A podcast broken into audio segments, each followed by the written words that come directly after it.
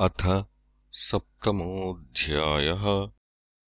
शकटतृणावर्तयोः मोक्षः राजोवाच।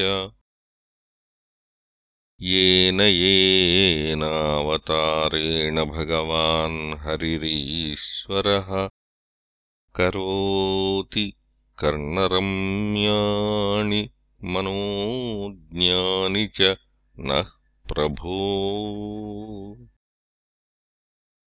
यच्छृण्वतोपैत्यरतिर्वितृष्णा सत्त्वम् च शुध्यत्यचिरेण पुंसः। भक्तिर्हरौ तत्पुरुषे च सख्यम्। तदेवहारम् वद मन्यसे चेत् अथान्यदपि कृष्णस्य तोकाचरितमद्भुतम्। मानुषम् देहमासाद्य तज्जातिमनुरुन्धतः। श्रीशुक उवाच। कदाचिदौत्थानिककौतुकाप्लवे जन्मर्क्षयोगे समवेतयोषिताम्। वादित्रगीतद्विजमन्त्रवाजकैः चकारसूनोरभिषेचनम् सती।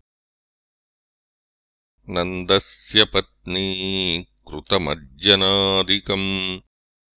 विप्रैः कृतस्वस्त त्ययनम् सुपूजितैः।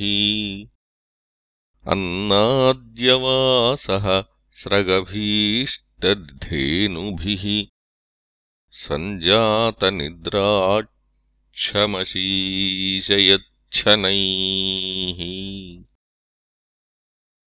औत्थानिकौत्सु क्यमनामनस्विनी समागतान् पूजयति व्रजौकसः।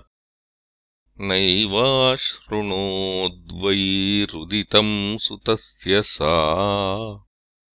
रुदन्स्तनार्थी चरणावुदक्षिपत्। अधशयानस्य शिशोरनोल्पक प्रवाळमृद्वङ्घ्रिहतम् व्यवर्तत।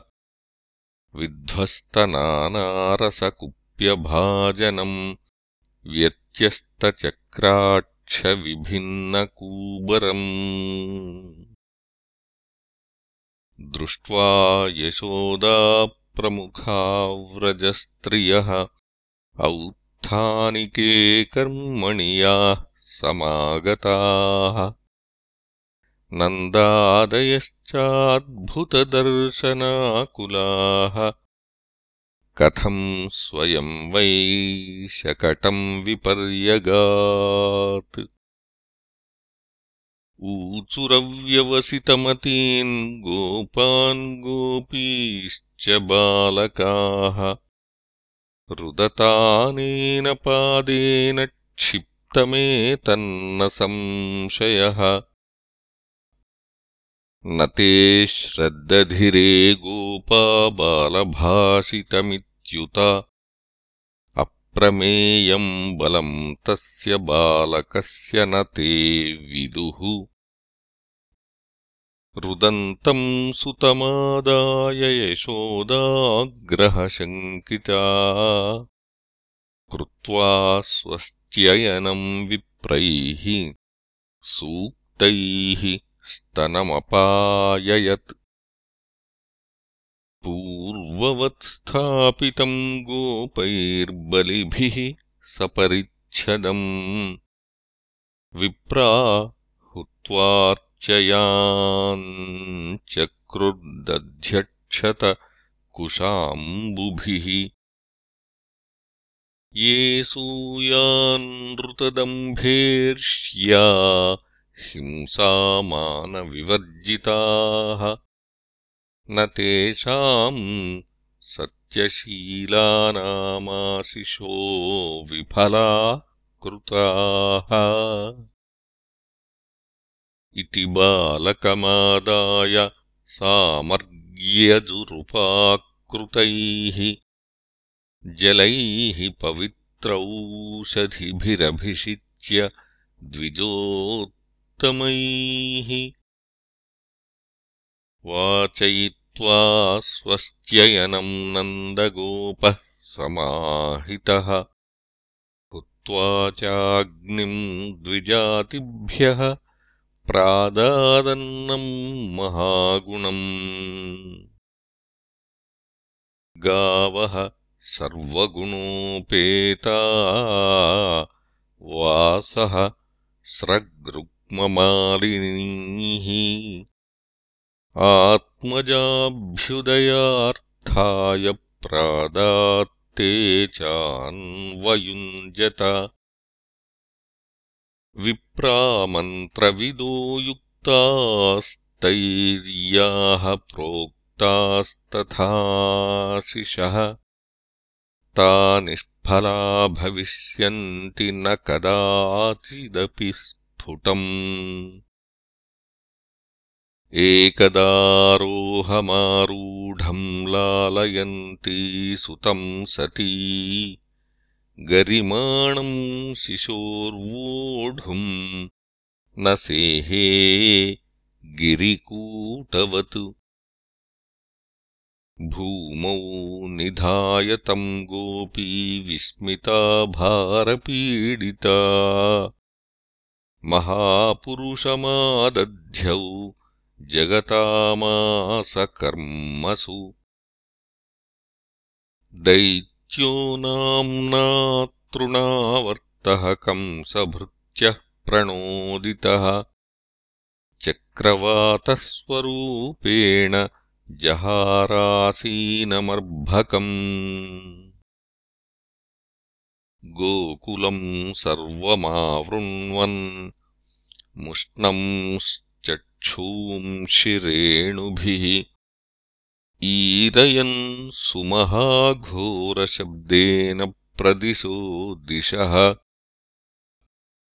मुहूर्तमभवद्गोष्ठम् रजसा तमसावृतम्। सुतम् यशोदानापश्यत्तस्मिन् न्यस्तवती यतः नापश्यत् कश्चनात्मानम् परम् चापि विमोहितः तृणावर्तनिसृष्टाभिः शर्कराभिरुपद्रुतः इति खरपवनचक्रपांसुवर्षे सुतपदवीमबला विलक्ष्य माता। अतिकरुणमनुस्मरन्त्यशोचत् भुवि पतितामृतवत्सका यथा गौः रुदितमनुनिशम्य तत्र गोप्यो भृशमनुतप्तधियोऽश्रुपूर्णमुख्यः रुरुदुरनुपलभ्य पवन उपारतपांसुवर्षवेगे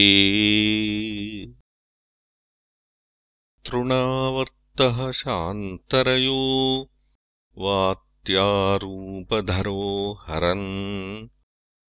कृष्णम् नभोगतो गन्तुम् नाशक्नोद् भूरिभारभृत्। तमश्मानम् मन्यमान आत्मनो गुरुमत्तया। गले गृहीत उत्स्रष्टुम् नाशक्नोदद्भुतार्भकम्।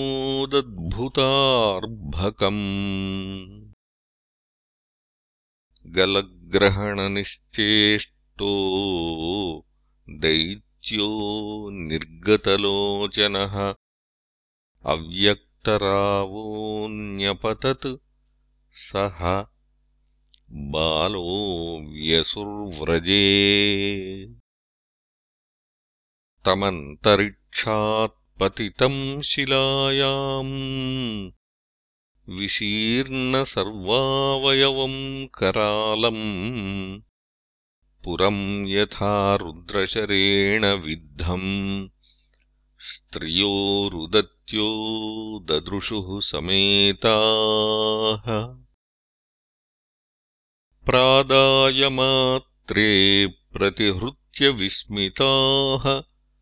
कृष्णम् च तस्योरसि लम्बमानम् तम् स्वस्तिमन्तम् पुरुषादनीतम् विहाय सा मृत्युमुखात् प्रमुक्तम् गोप्यश्च गोपाः किल नन्दमुख्याः लब्ध्वा पुनः प्रापुरतीव मोदम्। अहो मतात्यद्भुतमेष रक्षसा। बालो निवृत्तिम् गमितोऽभ्यगात् पुनः हिंस्रः स्वपापेन विहिंसितः खलः। साधुः समत्वेन भयाद्विमुच्यते किम् न स्तपश्चीर्णमधोक्षजार्चनम् पूर्तेष्टदत्तमुतभूतसौहृदम्। यत्सम्परेतः पुनरेव बालको। दिष्ट्या स्वबन्धून् प्रणयन्नुपस्थितः। दृष्ट्वाद्भुतानि बहुशो नन्दगोपो बृहद्वने वसुदेववचो भूयो मानयामास विस्मितः। एकदार्भकमादाय स्वाङ्कमारोप्यभामिनी प्रस्नुतम् पाययामास स्तनम् स्नेहपरिप्लुता पीतप्रायस्य जननी सा तस्य रुचिरस्मितम्। मुखम् लालयती राजन् जृम्भतो ददृशे इदम्। खम् रोदसी ज्योतिरनीकमाशाः सूर्येन्दुवह्निश्वसनाम्बुधींश्च द्वीपान्नगांस्तद्दुहितॄर्वनानि भूतानि यानि स्थिरजङ्गमानि। सा वीक्ष्य विश्वम् सहसा राजन् सञ्जातवेपथुः। सम्मील्यमृगशाबाक्षी नेत्रे चासीत् सुविस्मिता।